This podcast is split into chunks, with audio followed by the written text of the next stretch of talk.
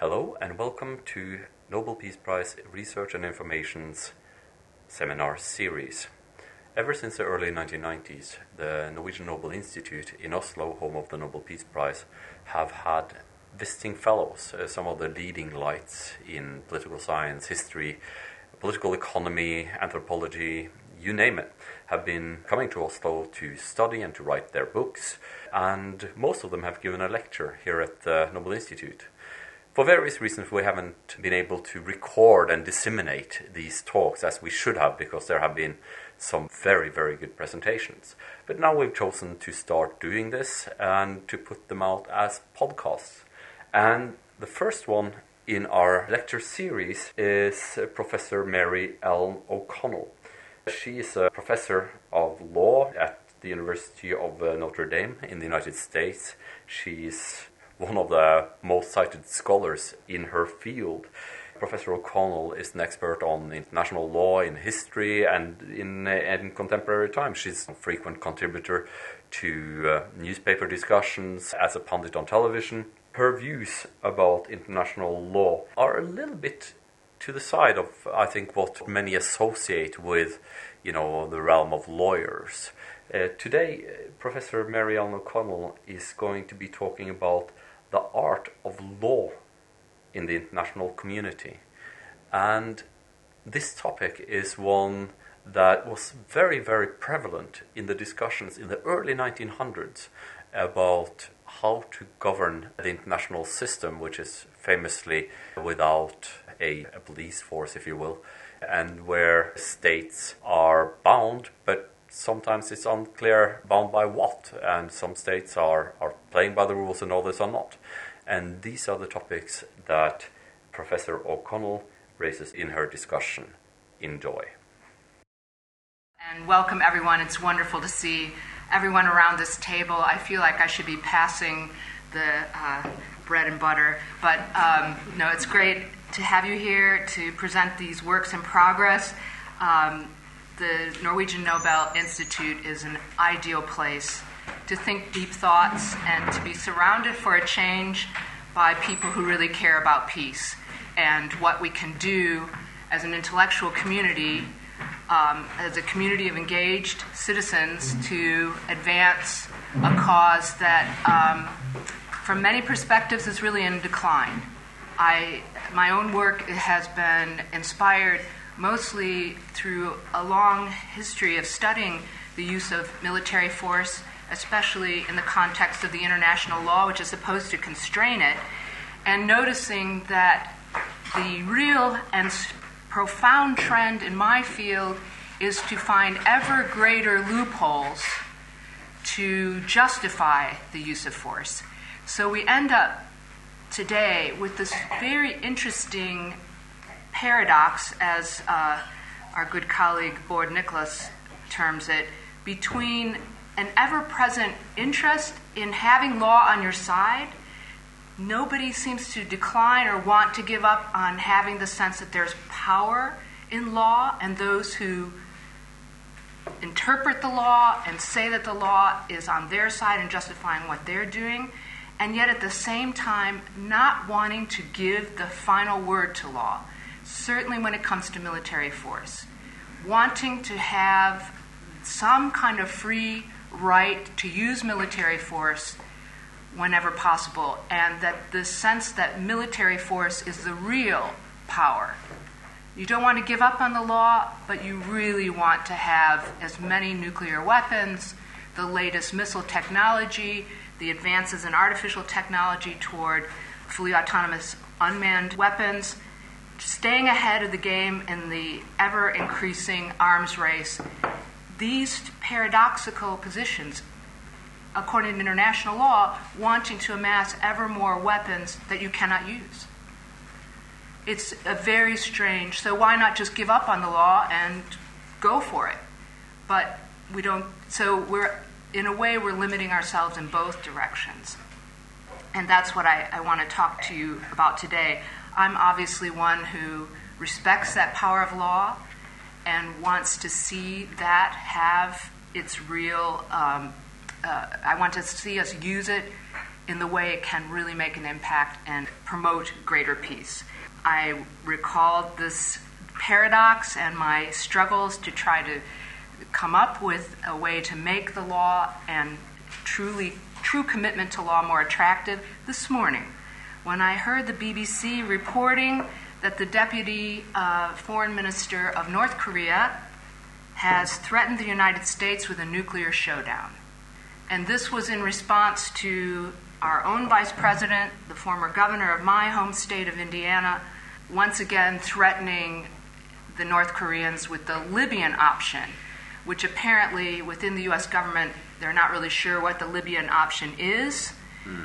It's either giving up your nuclear weapons for some kind of great payback, or it's being torn limb from limb uh, in the streets of your capital as you as you lose uh, power um, under an, an onslaught from NATO. Regardless, this news from this morning, I think, once again shows this paradox that I'm struggling with. We're either going to go to Singapore and have a summit which will lead to a treaty, or we're going to have a nuclear showdown, which is extremely unlawful under international law. You shouldn't even threaten to have a nuclear showdown. So these two are supposedly happening at the same time.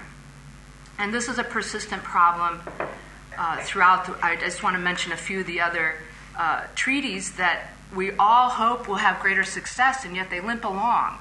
Um, I know this seminar is being co sponsored by the Organization for the Comprehensive Nuclear Test Ban Treaty. It's been written, agreed to. It's a great agreement for decades. We need eight more states with nuclear knowledge to join the treaty before it can come into force. Why? Why, why can't we get those last eight states? Why won't they go that extra mile to this highly regarded treaty? Or the new agreement against nuclear weapons, for which ICAN got the Nobel Peace Prize in 2017. Their aim is a treaty that will eliminate nuclear weapons. And yet, I haven't spoken to anyone who really believes we are going to eliminate nuclear weapons under the new treaty. I, I, get messages regularly from colleagues in Sweden should Sweden join the treaty or not? And if Sweden joins the treaty, I'm sorry to say, I think it will be with the view this is Sweden, this is not the United States. It will be with the view that they don't take it really that seriously seriously in the end that Sweden will call on its NATO partner, the United States, to give up its nuclear weapons, or Britain or France. They're not going to do that, even if they join the treaty. So we're at this moment, in so many regards, I mean, the, the area where my focus tends to be most of all, I work on weapons issues, but I'm particularly concerned by the ongoing armed conflict in which millions of people are dying tens of thousands of people every year still. And I was going to list all of them just to show I could, but I gave up after, you know, we can start with Yemen and we can end with Afghanistan. And I think I can hit almost every letter of the alphabet in between. Every continent, with the exception of South America, right now, where I'm closely watching Venezuela, as I'm sure many of you are, as it descends into what could truly be a, a even worse situation than right now if armed conflict breaks out. These are all armed conflicts in violation of international law. Why isn't international law more respected? Why isn't it having a more profound impact on these problems? Why, in the crunch, are we not giving that last uh, recognition to international law? So I'm going to talk about what I've proposed in this forthcoming book as a remedy to the paradox to position law in international relations ahead of or to give it more of the dynamic that we now cede to the military option. I'm going to do that for about another 20 minutes, and that will leave us a full half hour to uh, talk about these ideas. This is my last hurrah before I'm putting these final touches on, so I'm truly, genuinely looking forward to hearing where people think the weaknesses are or, of course, one always would love to hear uh, positive remarks that could help build this because I think it really is something that has to capture the imagination, and that's why I'm going to be really happy at the end of the hour to hand over to Frank because I'm curious to hear from his perspective, working with public world public opinion, how do we capture that imagination? And will this idea that I'm basically putting forward to restore some of the respect that international law once, once enjoyed, if that could capture um, the popular imagination? So, if you were to ask, if we just went out onto Henrik Ibsen's Gata, if we were to say, why do you obey the law? And this would be, of course, particularly funny to ask someone who had just cut through the street, not where they're supposed to, um, although that doesn't happen very much in Oslo. If you were to ask somebody, why do you obey the law? The first reason they would give you is so I won't be arrested. I don't want to pay a penalty. So, punishment, coercion is the forward thought we all have in our minds as to why we obey the law. The second reason people obey the law is self interest. So they'll go and make a contract for the sale of a house because they want that house. And the only way to induce the person selling it and to make sure that they both have a solid agreement is to promise to do this in a contract. We know that not everyone who crosses the road in the middle is going to be arrested, and still they obey. We know that the contract for the sale of the house is only as good as the respect we pay to the contract. So there is in all law compliance a third element. You need, certainly, you need people's self interest to continue to engage in the law and see why, in a tangible way, this always appeals to people and helps keep the whole legal idea going. We need a certain amount of coercion because we all know that there is a tendency to take shortcuts, and we need for the common good to have some kind of coercive idea out there as well. But these those two never work unless there's a sense of belief in the law, unless there is an ideological and ideational belief. And I think for international law, it's the belief part that's missing. Most people will tell you it's the enforcement piece. That we can have all the belief we want in, in treaties, that we're, the Singapore summit is supposedly going to lead to a treaty. We see the self interest in that and so on. And people will tell you that what's missing from international law is enforcement, is coercion. That is not what is missing. My earlier book, The Power and Purpose of International Law, addressed the myth of missing coercion. We have plenty of coercion. We have as much coercion or more than in national systems in part because the most serious violations of international law are so public. We know that they're happening, and there are means of bringing enforcement. Talking comparably, talking in terms of analogy to domestic systems. Just to bring that point quickly home, in the United States, we have uh, a very high murder rate, but only about 20% of murders are ever solved. Very low enforcement of the law against murder. And I would say that that's kind of a comparable number to serious violations of international law. That they're very visible. Sorry, that it's, that it's a much higher enforcement rate of international law because they're very visible. Whereas murder, very serious crime, even serial murders, even uh, the kinds of gangland murders that are going on in Chicago right now, very hard to solve. Most murders happen within families, virtually unsolvable, but nobody thinks that this lack of enforcement Still, we have countermeasures. The World Trade Organization, right now, for example, the U.S. just won a big case for Boeing Airline Company against uh, Airbus, and the U.S. is going to get countermeasures um, sanctioned by the WTO to get uh, enforcement of that judgment. So there's plenty of enforcement. That's not really the problem. It's the problem that we don't believe in the law that I think is where we need more attention we all believe in the law. We all believe even in international law. I think even President Trump believes in international law. Otherwise, he wouldn't go to Singapore and try to get this treaty. But the belief, so it's not really non belief in the law, even international law. I think the real problem that I've come across in my research is that the belief we have today, whether it's domestic law or international law, is based on a tradition of believing in law. We come from uh, families, we come from schools, we come from traditions in which obedience to the law is thought to be the right thing to do. What makes it the right thing to do? Why did we ever begin to think that law compliance, even when we're not going to get arrested, And believe me, the only reason that our societies allow coercive enforcement is because we believe a priori in the law. We don't want to give police guns to enforce the law unless we believe it's the right thing to do. I think it all comes back to the sense of belief in the law, the sense that it is the right thing to do, that it is our ethical and moral duty to obey the law, even when we're not going to get caught, even when it's only in the interest of another person. It's that aspect of the law, domestic or international, that I see fading in these times. And tracing back, why do I think there was once a stronger sense? Why did why was there an amazing effort by peace movements around the world throughout the 19th century? I give a lot of credit to to Americans for this, um, founding the major peace organizations people like Nobel Peace Prize winner Jane Addams, who was in the forefront of leading peace movements, and a, a pillar of the peace movements from the U.S. Civil War forward in Europe and the United States, and also in Asia, was international law. There was a belief in international law that this was the alternative to war, that this could be what would control war. There was this belief that we, if, if I ask my students in my lectures on international law, do you believe in international law? They really won't know what I'm talking about.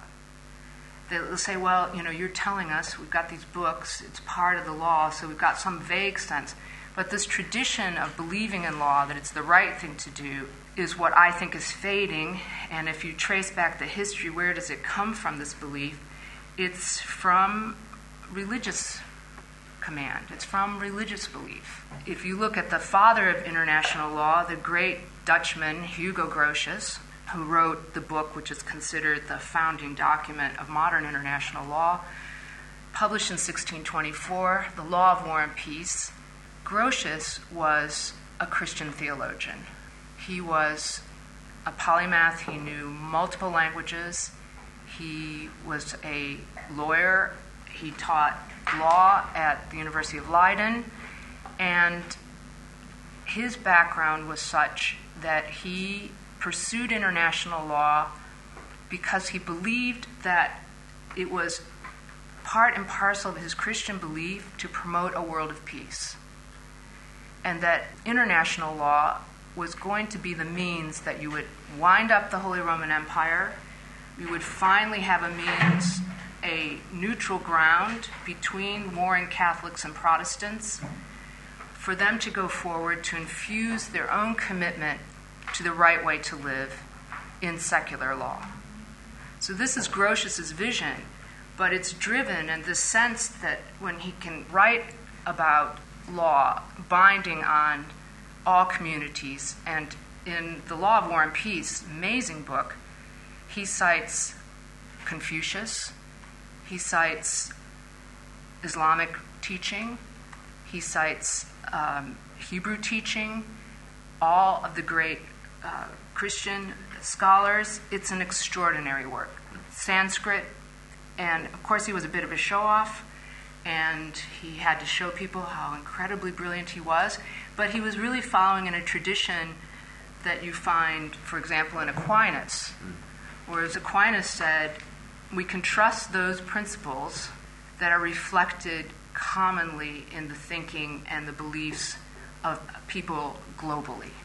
That that's the core that you can pull out. And the core in all of these beliefs is that we human beings are intended to live in harmony with each other, to live in peace. That the great systems of order that have, anthropologists have told us have always been with us were first physical force, then religion, and then law. And that this hunger for order, with the coercive elements being under the rule of law, the priority given to law, and the monopoly on power and force being under the law is as old as, as human communities. So that's what that's what Grotius infused international law with. And, and I think the great genius was, in contrast to his contemporary, the, the British political philosopher Thomas Hobbes, Hobbes said he, he looked at human beings and, and looked at their human nature and just didn't think they were capable of that level of belief in law to be able to live in legal systems and to comply with law that was not in their own self interest, that was not part of their survival instinct, their instinct or their impulse to gain, to get stuff, that they couldn't live without a heavy amount of coercion, and that the only play, way you can organize enough coercion to get people to live in some kind of order is within smaller units with government using that coercion. And Grotius just had a much more uh, generous and open hearted understanding of what human nature was capable of. He believed that, that, yes, some coercion was needed, but that human beings are capable of living socially in harmony with a sense, as long as they are discussing and open about their shared and common principles without government over them. And that, that's the Grotian genius that has been so skeptical, of course, because Kant, for example, who had, uh, I think, a similar sensibility about human beings and what their capacity for harmony, he couldn't quite give up on the governmental piece. He thought there had to be a federation of governments exercising this control, and that the true law without an institution of coercive government is fades over time and really is, is, is faded out by the time of the uh, First World War. Um, there was this great sense at the turn of the last century in the Hague declarations to once again, through positive law, because by then this, the scientific movement, the need for material science, this kind of belief thing that Grotius had looked to, that he had his own religious belief in, was no longer being discussed in public forums like this one. You had to be able to prove through scientific method what people were capable of doing. And this belief element just couldn't be proven.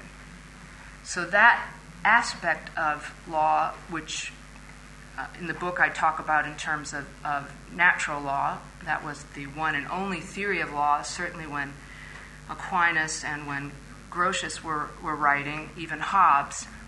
But that gets displaced, and we no longer talk about our belief in law in domestic situations or at the international level. We're only talking about what can we prove materially, what is there positive evidence of, and that for international law is just treaties and our equivalent of the common law, practices that grow up um, that we infuse with, once again, you never really can get away from this belief thing when it's an idea structure like law, customary international law. But, and it hangs on, it's definitely not gone. But my thought is how do you talk to people about their belief in law? How do you revive this Grotian sense of what human beings are capable of? Because I think we're capable of that. I don't think we, anyone really believes that we're so dependent on coercion to do the right thing, but we definitely need some new inspiration.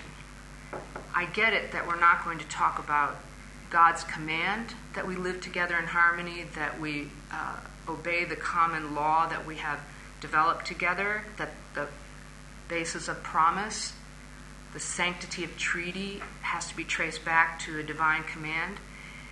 But there are other ways to inspire that sense of social commonality. And the way that we find ourselves moving out of our own self interest, where we can think about the interests of the other outside of our religious belief, I think it's so often inspired by the arts.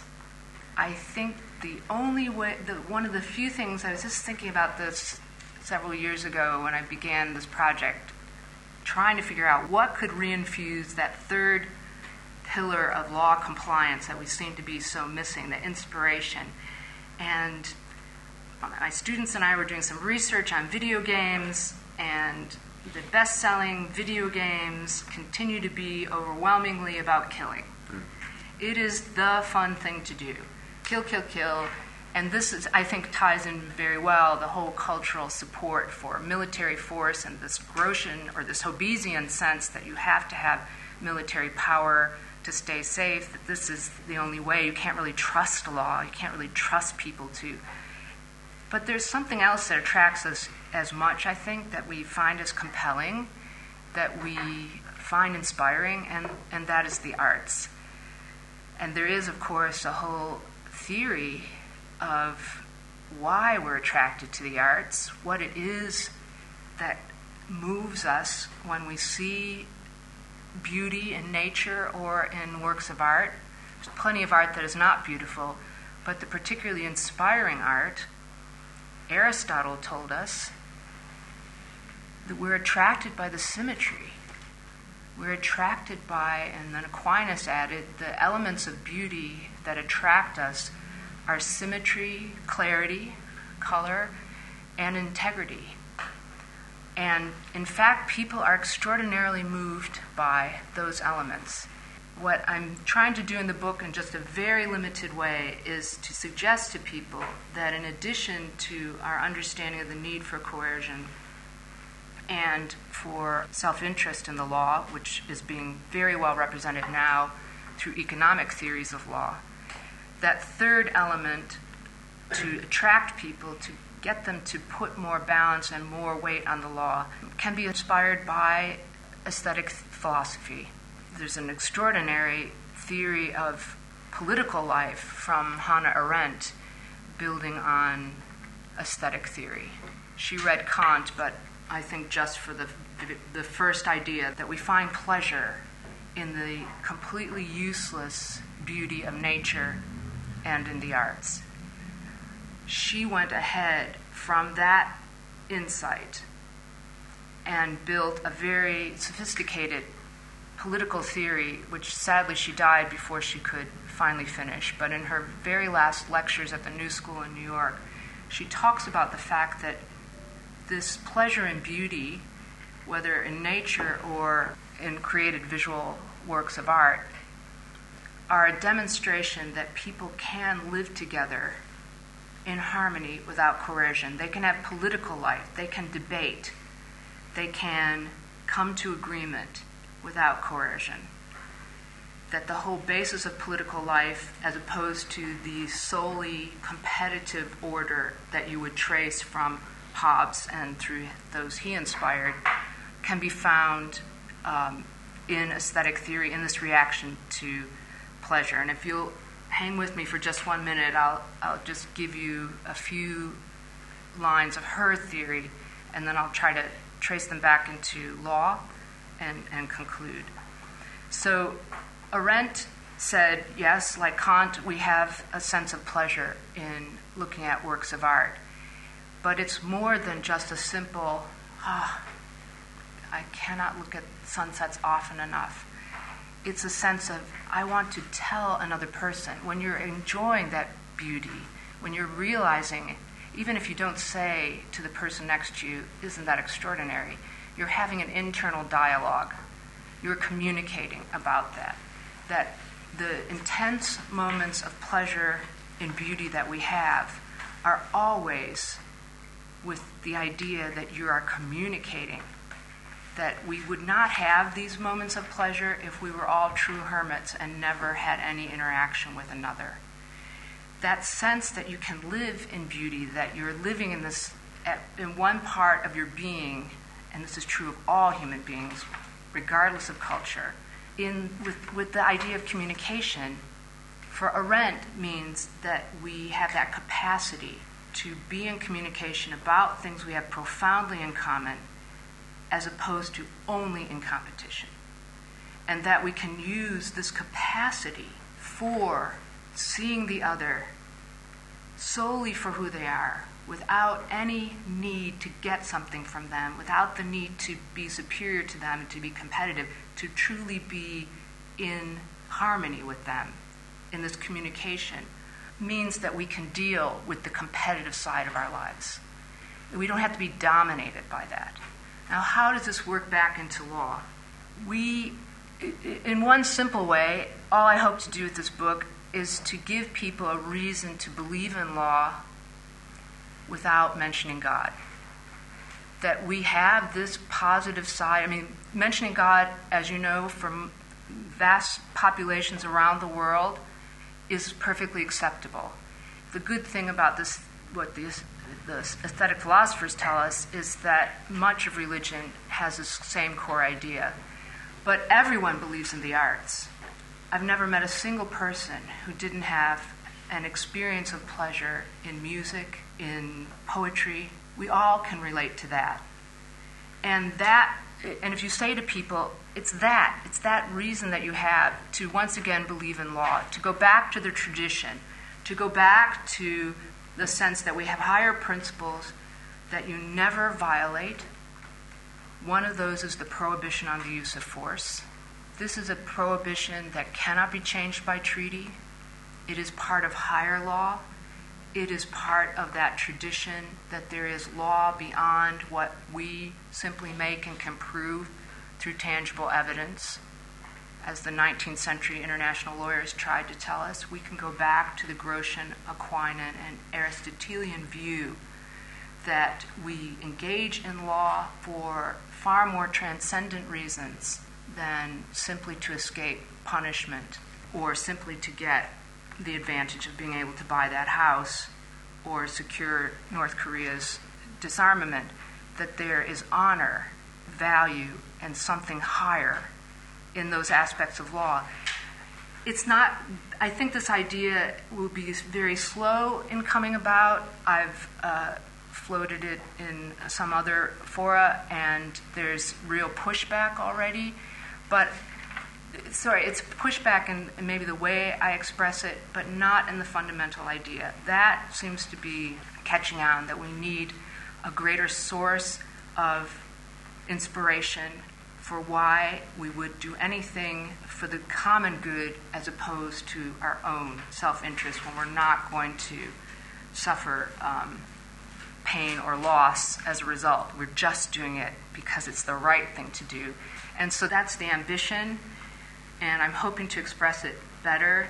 The final chapter of the book is uh, so the first chapter sets out this reason for law, this third missing piece, and then I go back and look at the core rules on the use of force, the basic prohibition on the use of force, represented now in Article 2, Paragraph 4 of the UN Charter, the higher norm, the peremptory norm against the use of force, and then look at the ex- two exceptions Security Council authorization and use of force in self defense, and show how this imbalance we've reached in the law is causing so many more excuses, so many more attempts at justifying. And I'm pointing out that you, if you get too far away in pursuing your own self interest, you will end up with no law at all, which is where we did end up in April when uh, three countries attacked Syria and two of them didn't even bother with